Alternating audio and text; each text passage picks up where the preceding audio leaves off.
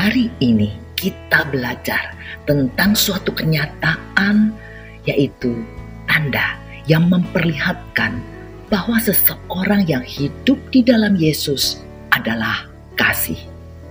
1 Yohanes bab 3 ayat 18 menulis, Anak-anakku, marilah kita mengasihi, bukan dengan perkataan atau dengan lidah, tetapi dengan perbuatan dan dalam kebenaran.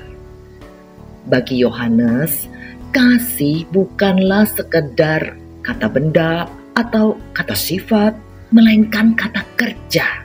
Sebagai kata kerja, kasih tidak dapat dilepaskan dari relasi personal dan sosial dengan manusia lainnya. Seseorang tidak dapat mengatakan bahwa ia penuh kasih ilahi, tetapi hidup tanpa relasi dengan manusia lainnya. Kasih memerlukan objek untuk dikasihi, yaitu sesama manusia. Mengatakan kasih lewat perkataan adalah sesuatu yang mudah. Namun, sebesar dan seserius apa kasih kita hanya bisa terlihat dari sebesar apa kita mau berbuat sesuatu yang nyata atau sejauh mana kita rela berkorban bagi orang-orang yang kita kasihi. Bagaimana mereka bisa percaya akan kasih kita kalau kita sama sekali tidak peduli pada keberadaan dan kebutuhan mereka.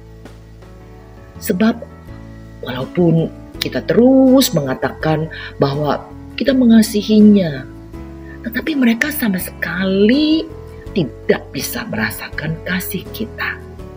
Dari sinilah muncul istilah NATO, no action, talk only, alias hanya bicara tanpa adanya tindakan nyata. Mengaku mengasihi tetapi sering menyakiti. Mengaku sayang tetapi selalu menghilang ketika dibutuhkan. Itu bukanlah kasih yang sesungguhnya. Sebab kasih membutuhkan lebih dari sekedar kata-kata. Kasih membutuhkan perbuatan, tindakan nyata, dan harus dalam kebenaran.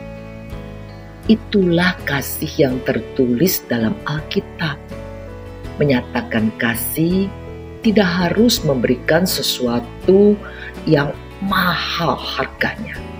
Melalui tindakan kecil seperti sebuah senyuman pun bisa membawa dampak positif yang bisa menguatkan dan memotivasi orang lain sebuah tepukan di pundak atau keberadaan kita di samping orang terkasih ketika mereka tengah menghadapi masalah itu pun bisa sangat berharga dan merupakan manifestasi nyata kasih kita kepada mereka.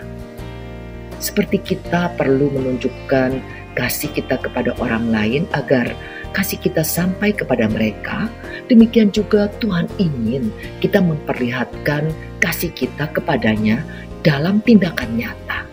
Memang benar, Tuhan menilai hati kita, tetapi kasih yang sejati tidak disimpan dalam hati, melainkan dinyatakan dalam perbuatan.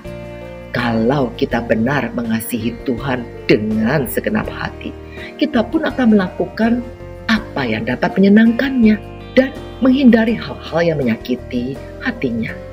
Saat kita menyatakan manifestasi kasih kita, Tuhan pun tidak akan tinggal diam.